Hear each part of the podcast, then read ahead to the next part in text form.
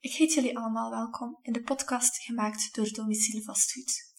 In deze reeks van vijf podcasts bespreken we de dooddoenertjes waarvoor je mogelijk niet zou overgaan tot het investeren in vastgoed.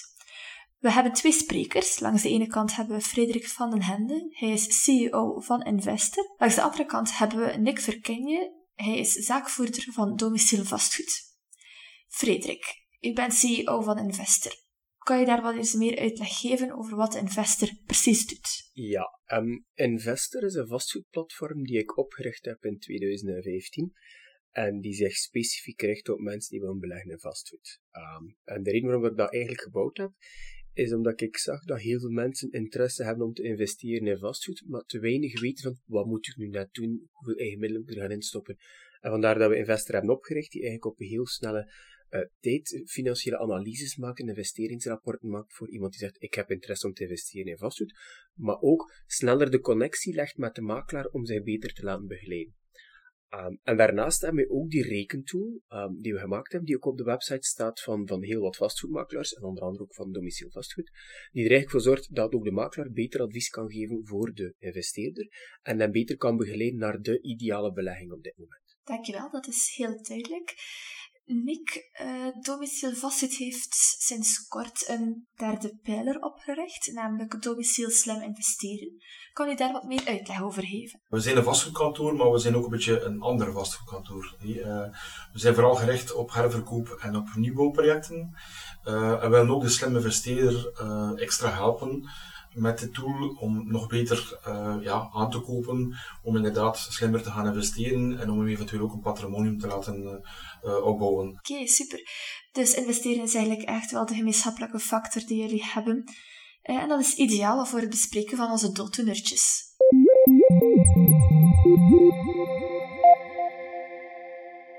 De eerste dooddoener, waarvoor er mogelijk niet wordt overgaan tot investeren, is het volgende. Namelijk, verhuren kost alleen maar geld. Klopt dit? Um, ja, ik, ik, ik, denk dat dat een, een perceptie is van mensen die te weinig op de hoogte zijn van wat is investeren in vastgoed. Investeren in vastgoed kost geld. Inderdaad, ja, je moet effectief geld gaan, gaan investeren om te kunnen gaan verhuren. Um, maar sowieso, um, wanneer je investeert, brengt het ook geld op.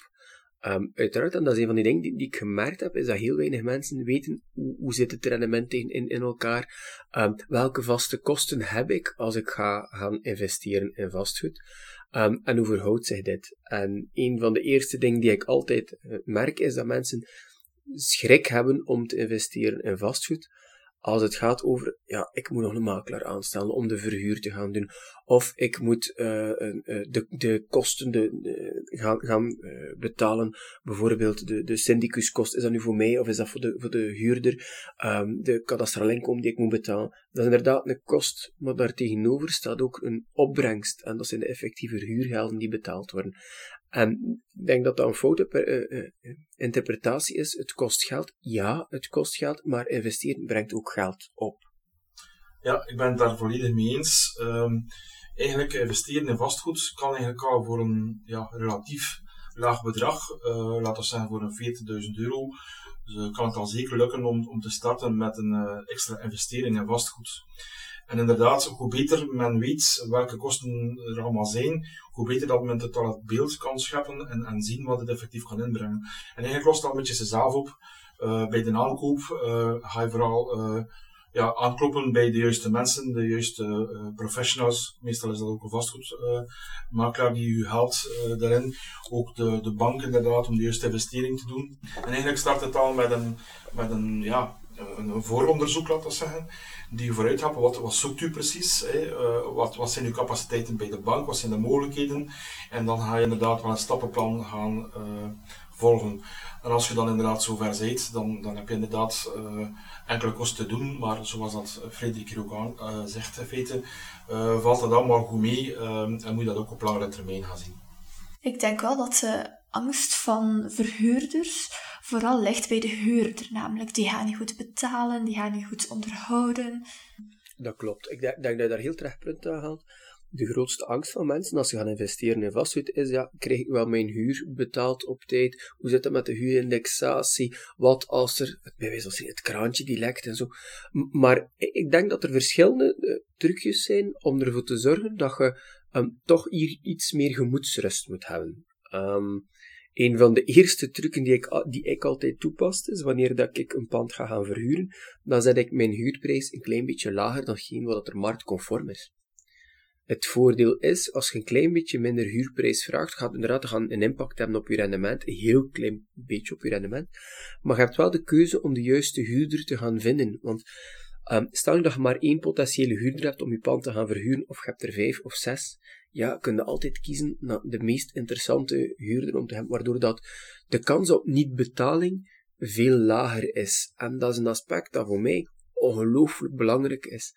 Um, want geen huur is geen rendement en uh, de, de, miserie nadien om iemand uit het pand te krijgen, um, dat kan ook wel eventjes duren. Um, maar niet alleen dit, er is nog een tweede stuk, is wanneer dat je gaat investeren in vastgoed, heb je ook de mogelijkheid om met een rentmeester te werken. Wat bedoelen we met een rentmeester? ja, iemand die um, eigenlijk alle administratieve taken op zich neemt, zoals de controle van de huurgelden, maar ook de taak op zich neemt om de nachtelijke telefoons, wanneer dat de chauffage lekt, bij wijze van spreken, of er is iets gebeurd in het appartement, om dat te gaan oplossen. En je betaalt daar een stukje uh, voor aan de rentmeester, maar je hebt wel complete gemoedsrust. Je hebt geen enkel risico en geen stress meer. Hij volgt alles op zoals dat hoort. Um, en het enige dat je moet controleren is op het einde van de maand of dat, alle of dat het huurgeld op jouw rekening is gestort. Zijn er bepaalde zaken die je kan doen om jezelf in te dekken tegen een slechte huurder? Bijvoorbeeld een goede plaatsbeschrijving, een goed huurcontract. Is dat belangrijk? Ja, er zijn wel uh, wettelijk gezien bepaalde documenten die zeer interessant zijn om de verhuurder te beschermen, maar ook de huurder uiteraard. We starten inderdaad met een huurcontract die van belang is. Uh, we stellen daar voor, meestal voor om uh, een, een, een, verhuurcontract te nemen van 12 maanden, van korte duur zoals ze zeggen. dan, dat is zeer belangrijk. Waarom is dat zeer belangrijk? Omdat je eigenlijk al na één jaar kunt stoppen. Je kunt drie maanden voorop zeggen, maar wel voor beide partijen, zowel de verhuurder als de huurder. Uh, en als het inderdaad al vanaf het begin niet zo goed gaat, ja, dan kun je inderdaad al vroeger stoppen. Hè. Dus punt 1, dat is een zeer belangrijk punt. Het tweede, bij een verhuring hebben we inderdaad een plaatsbeschrijving nodig. Uh, daar gaan we in feite ook uh, gaan zorgen dat de, de plaatsen beschreven worden, een tegenstrafbare plaatsbeschrijving.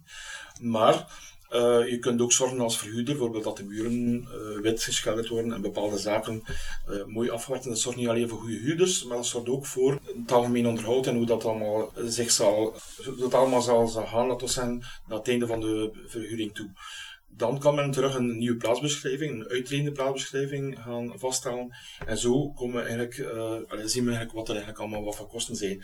Dat is zeer belangrijk en dat is voor beide partijen zo. En stel, je hebt een plaatsbeschrijving, maar die is onvolledig of niet correct.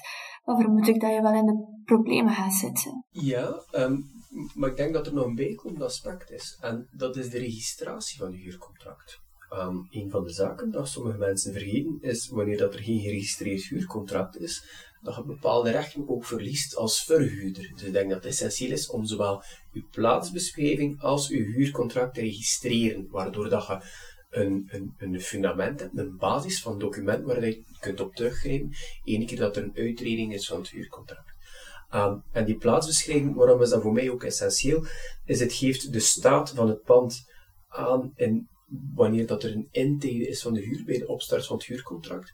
Um, maar nog belangrijk is, ja, wat gebeurt er ene keer dat iemand daar 2, 3, 5, 9 jaar woont? Er zijn af en toe toch wel een keer mankementjes, schade die toegebracht wordt aan een, een appartement of aan een woning. Um, en bij uitredende plaatsbeschrijving kun je perfect gaan monitoren, wat is er nu net gebeurd? Is dat in dezelfde staat? Waar kan ik, welke um, wetgeving heb ik om, om bepaalde centen te gaan kunnen recupereren? En ik geef een voorbeeld van een, een mevrouw die ik uh, gezien had, dat gaat al tien, tien jaar geleden zijn. En dat was een dame die toch wel behoorlijk wat vastgoed in eigendom had. En die had een appartementsgebouw, twaalf appartementen. En zij had het bovenste appartement, uh, waar ze zelf woonde. En naast haar uh, was er nog een appartement die vrij kwam. En zij belde mij. En ze zei, Frederik, ik zou graag dat appartement gaan verhuren, maar weet je wat ik ga doen? Ik ga daar een keer een zeer ingrijpende renovatie aan doen. En uh, ik denk dat de renovatie alleen 150.000 euro kost. En ik zei tegen die dame, ik zei, dat, dat is absurd, hoe gaat dat er nooit uit aan rendement technisch? Um, maar ze zei, nee, ik wil dat effectief doen. Ik denk dat dat heel, ik wil een ander type huurder, ik wil dat pand dat dat perfect is. Nu zei ik belt me zes maanden later en zegt, wil een keer komen kijken? En ik ga gaan kijken naar dat appartement. En dat appartement, fantastisch. Marmer werkblad, uh, fantastische vloer, die badkamer, top. En ik zeg, je hebt dat heel mooi gedaan. Um, maar nu nog verhuren. En ze vertelt tegen mij, ja, maar ik, ik heb het eigenlijk al verhuurd. Um, ik vraag de huurprijs, ah, ook goed verhuurd. Um, ze proficiat, je hebt gelijk, ik heb ongelijk. En uh, ik denk ongeveer een vier maand later belt ze mij terug. En uh, al huilend. En ik ga langs. En ik ga het appartement gaan bekijken. En het appartement was bijna compleet afgebroken. De deur was gebruikt om vogelpiek darts te gaan spelen. Uh, het marmerwerkblad in de keuken met zo'n klein beitelke om erop te kloppen. En ik vraag tegen mevrouw, wat is er hier gebeurd? En die man had blijkbaar een paar probleempjes. Maar wat ze vergeten, ze was haar contract te registreren. Dus ze had geen enkele poot om op te staan. Dus het belang van een goede plaatsbeschrijving om die te laten registreren is ongelooflijk groot. Want dan heb je rechten, dan kun je aantonen wat er net gebeurd is. Um, dus doe dat absoluut. Laat dat goed beschrijven. Geef daar goed geld aan om dat goed te laten beschrijven. Zodat je nadien toch wel iets hebt om op terug te vallen. Als je dat vergeet, ja, dan kunnen de gevolgen soms onoverkomelijk zijn. Buiten dit punt van let goed op met je huur, met je betaling. Um, wat er precies mee gebeurt. En, en ga, ga, gewoon controleer je rekening dat, dat die betalingen correct gebeuren. Want uiteindelijk, stel dat die uh, huurder, dat, dat, begint dan zeer mooi, maar na twee maanden wordt er niet meer betaald. En je volgt het ook niet goed op. Ja, dan is dat wel belangrijk dat je weet hoe, lang dat al zo is. Je speelt gewoon uh, snel op de bal. Hè. Controleer dat goed. En, en als je inderdaad drie dagen later zit, neem contact op met de huurder van kijk, je zit drie dagen te laat, doe dat onmiddellijk. Als dat zo niet is, een week later, dan, dan stuur je een getekende brief of stuur een mail dat je toch bewijs hebt van, uh, dat je het vastgelegd hebt van mm hey, uh, Jan of, of Piet of wie, wie dat ook is, let op, want je bent te laat. Um, je moet zo'n dossier ook gaan opbouwen. Dus wees er ook uh, kordaat en snel bij. Want het zou goed zijn dat je niet goed kunt inschatten in het begin en dat het toch de verkeerde kant op gaat. Ik ben, nu, ik ben jullie nu niet aan het maken, maar ik, ik ben, allee, moet er echt mee bezig zijn. Uh, want ik had onlangs ook een uh, familie die verhuurde, al twee, drie jaar. En toen vroeg ik van hoe lang betalen ze me? Ja, dat moet 18 maanden zijn dat ze niet meer betalen. En toen vroeg ik van, ja, ben je het dan op voor? Ja, ja, we hebben het, het dossier gegeven aan een advocaat. Maar ik zeg, ja, in feite, vraag, hoef je het niet te geven aan een advocaat? Als het nodig is, ja, waarom niet? Maar je kunt ook zelf naar de rechter stappen en, en gewoon uh, laten weten, uh, dus de herinneringen bijvoorbeeld, het volledige dossier allemaal invullen, dat is allemaal gratis. En de, ik denk dat de huurder 25, 50 euro moet betalen qua kosten. En dan komt het gewoon voor uh, op, op heel korte termijn. Uh, het is ook belangrijk dat je dat gewoon doet als het niet gaat. Stel dat er dan een, een, een afbetaling gebeurt, hè, dat is allemaal niet zo raar. Uh, en gebeurt het terug niet, kun je ook automatisch terug dat opstarten. Het lijkt misschien uh, raar, maar eigenlijk uh, is het zeer efficiënt, is het zeer gemakkelijk om dat te doen. En je gaat jezelf ook ermee gaan beschermen, zodoende dat je niet die 18 maanden als gevolg dat er geen betaling is, dat je dat niet tegenkomt. Dus let er mee op. het zijn kleine hulpmiddeltjes die, die zorgt dat je als verhuurder ja, kordaat uh, over uw eigen vastgoed en over uw eigen vastgoedinvestering zorgt. En kan het gebeuren? Ja. Ik zou zeggen als makelaar, ik zeg altijd, één op de vier kan het wel gebeuren dat er iets misgaat. Maar het hoeft daarvoor niet heel mis te gaan. Hè. Dus het kan wel eventjes zijn zo. En dat je alles terug op prijs kan zetten. Maar uh, let er mee op. Het zijn uw centen, uw spaarcenten. Uh, en, en beheer het goed. Zodoende dat je goed weet wat je aan toe bent. Ik heb daar zelf ook nog een, ervaring mee. Verhuur ook niet aan vrienden. We hebben ook dezelfde problematiek gehad. Wij verhuurden aan vrienden. En bleek de eerste maand werd niet betaald. En dat werd uh, zo wel lachwekkend opgelost. Van, ja, dat komt wel in orde. Maar na maand drie um, begonnen we toch al wat vragen te stellen. En uiteindelijk uh, denk ik dat we niemand huur niet gehad of zo, vooraleer dat hij... En was de vriendschap ook voorbij.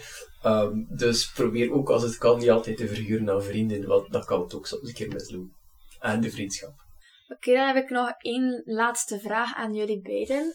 Kunnen jullie aan de luisteraars een tip geven hoe dat ze zo weinig mogelijk onnodige kosten maken bij het verhuren?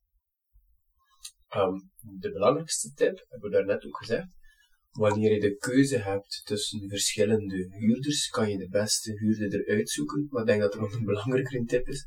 Laat je begeleiden door iemand met kennis van zaken. Ga naar de juiste makelaar die de juiste mensen kent, die een betere screening kan doen als dat je zelf kan doen. Um, ik zelf verhuur ook af en uh, wel wat panden. En ik heb nog nooit zelf uh, de, de, screening gedaan van de huurders. Ik laat dat altijd door de professioneel, professional doen, die ook een bemiddelend persoon is wanneer dat er problemen zijn. Dus de beste tip voor mij is, doe niet alles zelf. Betaal daarvoor, maar die betaal, het geld dat je geeft aan een, bemiddelaar, een tussenpersoon, dat rendeert sowieso. Dus dat is mijn, mijn belangrijkste tip. Ik kan een kort verhaaltje vertellen van, uh, van iemand. Um, en dan, ja, het was gewoon een, verhuring van een in slaapkamerappartementje. En uh, op korte termijn, dan spreek ik dan over drie weken, hoogstens vier weken, waren er 40, 50 mensen die zich uh, aanboden om, om dit te, te huren. Um, en ja, het, er werd gescreend, er werden bezoeken gedaan. Uh, ik ga ook eerlijk zijn, als er acht bezoeken gepland zijn, dat is een zelf vastgoedkantoor, uh, acht bezoeken gepland, dat er soms maar drie mensen afkomen, bijvoorbeeld. Hè. Dus dat is allemaal, dat kan allemaal, dus dat gebeurt. allee, dus je kunt er al niet veel mee doen, maar dat gebeurt sowieso. En dan merk je van, oei, ja, er is ook niemand die zijn papieren invult. Dus we hebben documenten op uiteraard, om dat te kunnen doorsturen naar de verhuurders. Wie zijn ze? Wat doen ze? Werk. Dus al de zaken dat wij mogen opvragen hè, als, als, als makelaar. Eventueel vragen wij ook om eventueel de, de, de, werkgever te contacteren en dergelijke punten. Uh, we letten ook op op discrimineren. Uh, een zeer moeilijk puntje, maar zeer belangrijk om dat toch ook correct uit te voeren. Uh, en het is ook belangrijk dat, dat de mensen, onze klanten, weten dat dat uh, zo gebeurt. Want we moeten er ook geweldig mee opletten.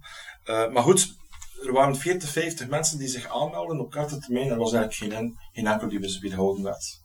Dus dat lukte niet. Dus we hebben twee, drie momenten vooropgesteld. En op het derde moment kwamen er twee, pas twee mensen af en dan is de huur eigenlijk vastgesteld geweest. Mm En eigenlijk binnen de week is het eigenlijk het huurcontract opgemaakt geweest. Uh, maar ik vind ook, je moet er geen schrik van hebben, maar inderdaad, je moet uh, zeer goed screenen en, en weten uh, wat het kan opbrengen en wie dat de juiste huurders zijn. En dan nog eens er een kleine kans, maar dan zit je al met een zeer mooi dossier en ook ben je een beetje gewapend, toch wel voor de toekomst. Oké, dankjewel voor jullie advies. Dan denk ik toch wel dat we kunnen besluiten dat verhuren niet alleen maar geld kost, maar ook heel veel geld kan opbrengen. Bedankt voor het luisteren en wens je meer te weten over andere dooddoenertjes, beluister onze andere podcast. Tot dan!